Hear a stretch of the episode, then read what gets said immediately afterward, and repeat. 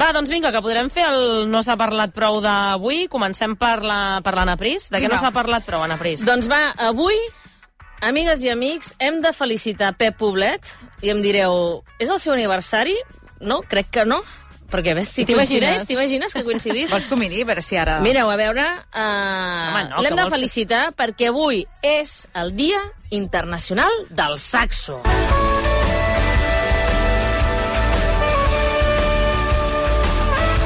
si a Catalunya s'ha de felicitar algú que toqui aquest instrument és Pep Poblet, aquí el sentim amb el pas a pas eh, d'un disc que va treure fa uns anys, Saxology. Per què avui és el Dia Internacional del Saxo? Bueno, ho sabíeu Per o no? què? No, per no què? No.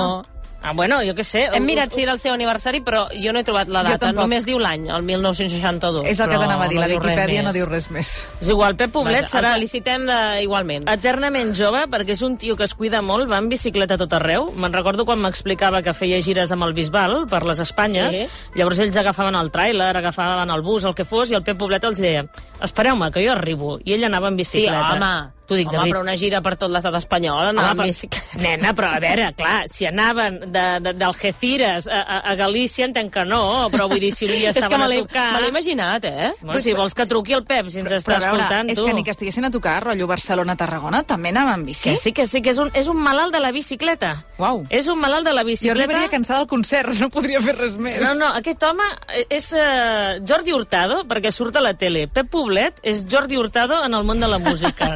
O sigui, cada any que passa és més jove i, i, i, i està millor, més ben cuidat. I per què avui és el Dia Internacional del Saxo? Per què, per què? Mira, a mi em va fer gràcia, això ho vaig, ho vaig investigar, vaig llegir una miqueta sobre el tema fa un temps per uh, una secció que feia la revista Sapiens. Compreu-vos-la, que és una revista molt interessant. Eh, me l'he tant. comprat alguna vegada. La revista més llegida en català, història, sempre hi, ha, sempre hi ha històries molt diverses. Doncs, bueno, és que hi havia un senyor que es deia Adolf Sachs, que és l'inventor del saxo. Ostres! Llavors, per exemple, no sé si... No s'ho va treballar gaire, no, el nom? El, el ballonestí, no sé, no sé què, o la ballonestina, què seria? Què, si, si, què, què t'inventaries tu? Ballon... Mm. Figueres, a tu no t'ho pregunto, perquè clar, ja si ve del Figues, cognom, ja, seva. ja està inventat, això, I saps? sabater de segon, vull dir, ja ho tens clar. Imagina't, Imagina't. clar. No Ostres, sé, no sé, ara jo aquí m'inventaria... Um... Paisatgisme. Què dius ara? Jo m'imagino no sé, una ballesta per, per Ah, similitud, no, però no. clar, no, no. Jo m'he no. imaginat una violència vall. no. Una vall bonica. Si tens, si tens gana, una ballesta va bé, eh? excursions per la muntanya. Crec que això ja està inventat de fa un temps. Estic molt cansada ja avui, Val, Anna Pris. Va. està refredada. Però amb Sí, locució sí. radiofònica de fons de l'Anna. Us explico. Uh, L'Adolf Sachs, abans d'inventar-se el saxo, va patir diverses circumstàncies problemàtiques en la seva vida. Eh? Ell va A néixer veure. un 6, el 6 de novembre de 1814 a Dinan, a la ciutat belga de Dinan, i semblava predestinat a morir i molt jove.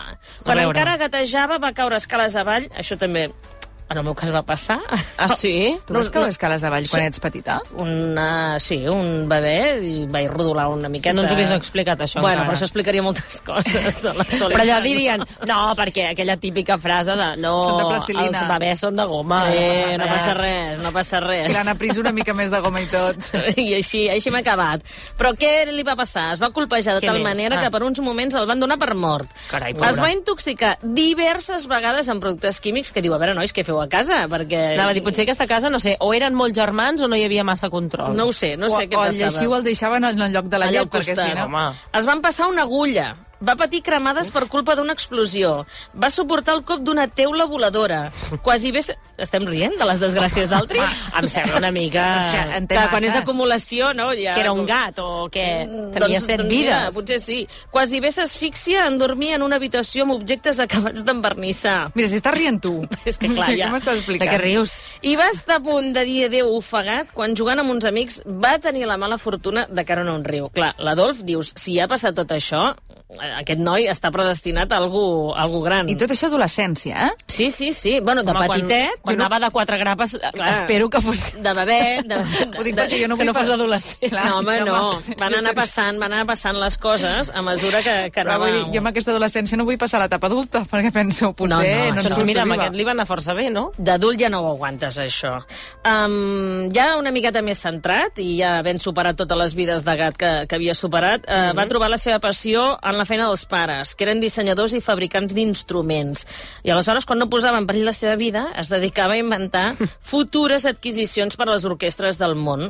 Doncs mira, aquest noi va dir, què faig? Jo m'invento instruments, no? estic a Bèlgica, aquí no, no acaba de fluir la cosa. Diu, me'n vaig a París, perquè París és l'escenari perfecte. Clar, tu imagina't primer inventar-te un instrument. No m'havia plantejat mai, Clar, això, quin, saps? quin, quin, jo no sé quin Clar, instrument uns instruments són l'evolució d'alguna cosa més rudimentària, no?, que després Sí. s'han anat perfeccionant i s'han Sí. convertit en el que són. Però ara així, del no res, el mil... bueno, deies que era el del 1814, però això ja devia ser uns anys més cap enllà, de cop del no res a dir, mira, faré un saxo. O potser de la gralla. Què, què faries evolucionar de la gralla, ballonista?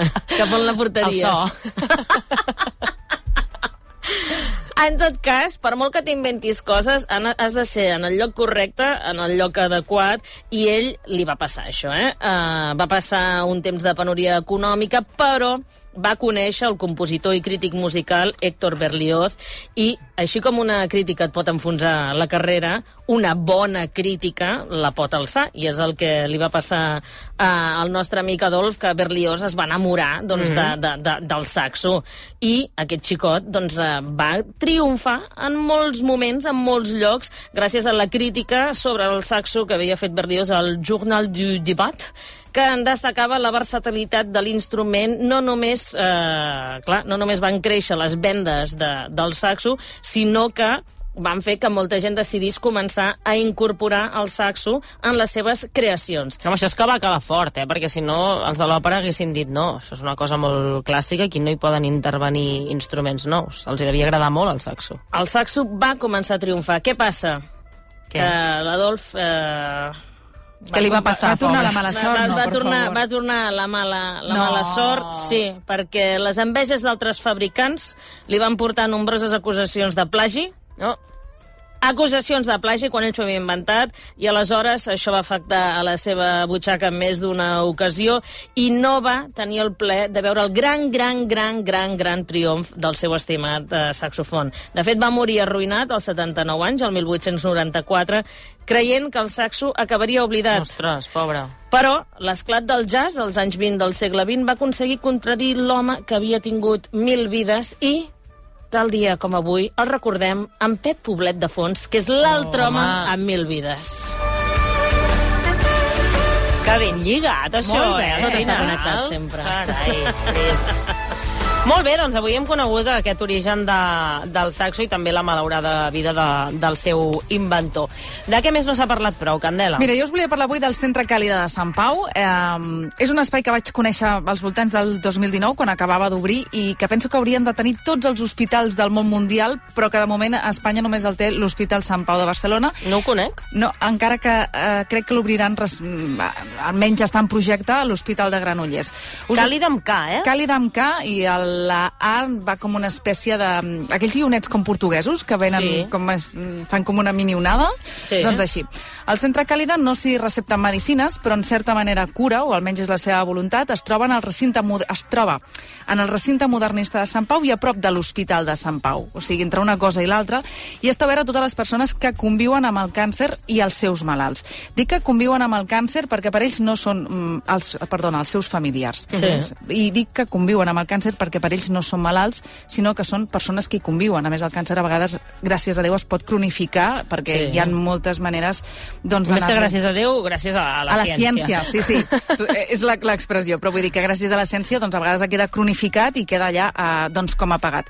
I el que ofereix el Centre Càlida és un espai tranquil i amable, allunyat de metges i de màquines hospitalàries, però al costat d'un hospital on les persones que conviuen amb el càncer i els seus familiars poden sentir-se relaxades, còmodes i sobretot que puguin rebre suport, suport psicosocial.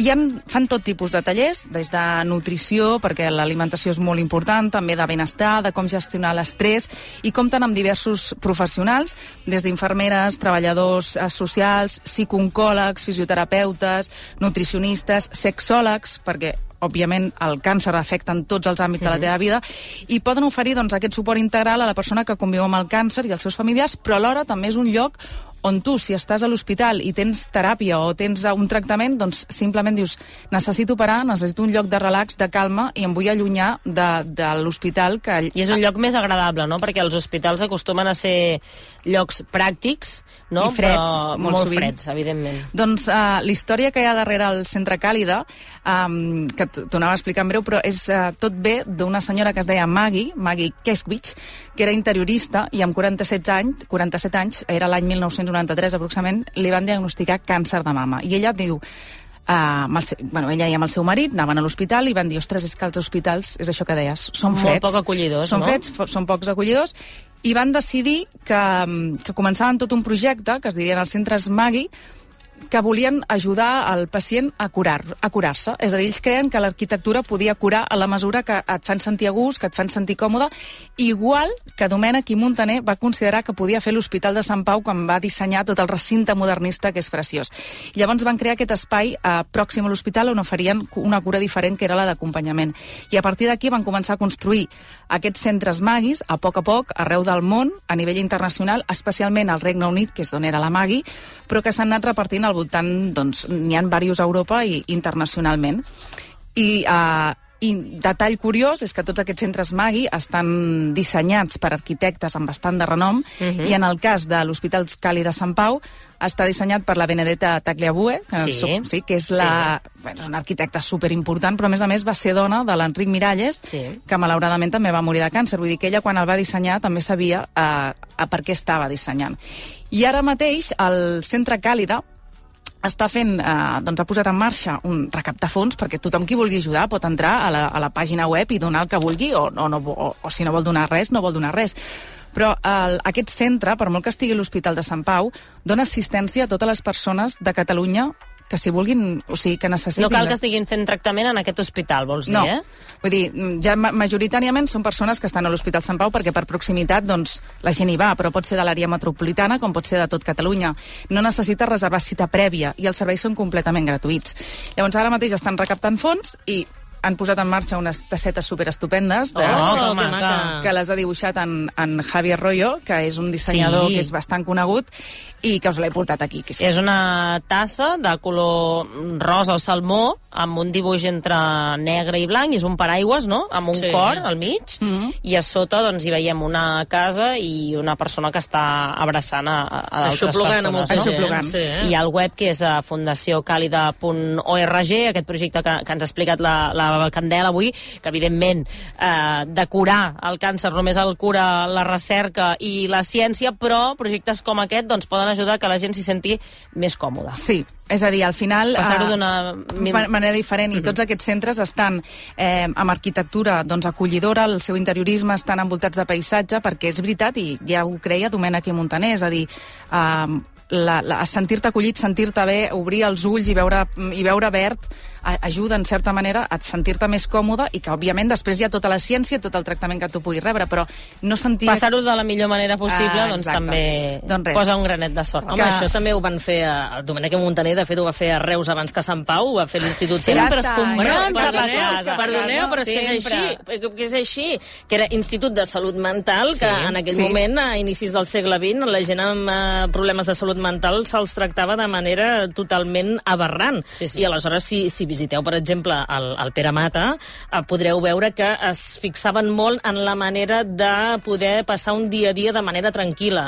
Hi havia doncs, una tanca al voltant, però es feia un jardí per sobre perquè els interns no veiessin que hi havia la tanca, que tinguessin llum del sol, que fessin activitats, que poguessin passejar. Hi havia diversos pavellons, eh? Hi havia el pavelló dels distingits i després, a mesura que anaves pagant menys... eh, Anava baixant tenies- la qualitat del servei. Però que, que no, no, no, està molt bé que es facin coses de- d'aquest tipus, clar que sí. Ens queden 3 minutets i mig només, però què, Anna Pris, podem fer un altre? No s'ha parlat sí, prou? us ho faig molt ràpid. Uh, us parlaré... A veure, a vosaltres us passa allò que aneu a buscar una cosa a una habitació, uh, creueu la porta de l'habitació i dieu, jo què venia a buscar aquí? Sempre. Ah, d'acord. M'ha passat entrant a la secció, dic, no sé què vinc a fer. Home. No, és broma, és broma.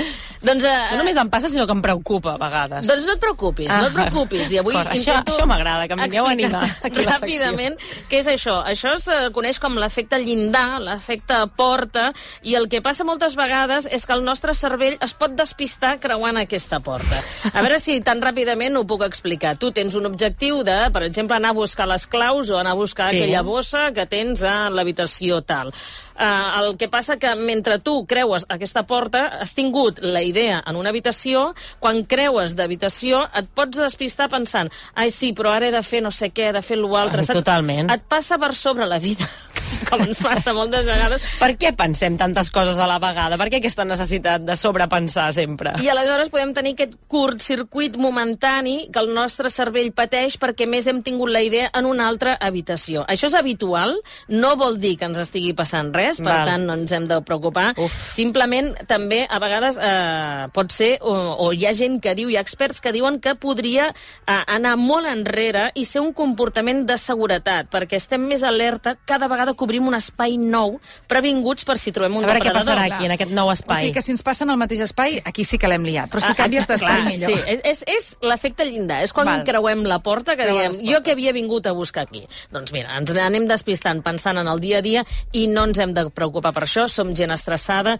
i també pot ser que doncs, el passat, eh, aquest passat a les cavernes, ens faci estar pendents. Ostres. A mi em passa a vegades, eh, visc amb una persona a casa i m'espanto a vegades. Dic, diu, però què et pensaves que era? I dic, no ho sé, però és que sembles un ninja anant per casa. Home, és que hi ha gent que silenciosa, que a vegades s'amaguen en racons, que, que acaben espantant. Home. No, però en aquesta lògica que, que ara deies, de, Sí. ho penses en un espai, creues la porta Sí. i vas a un altre i se t'oblida.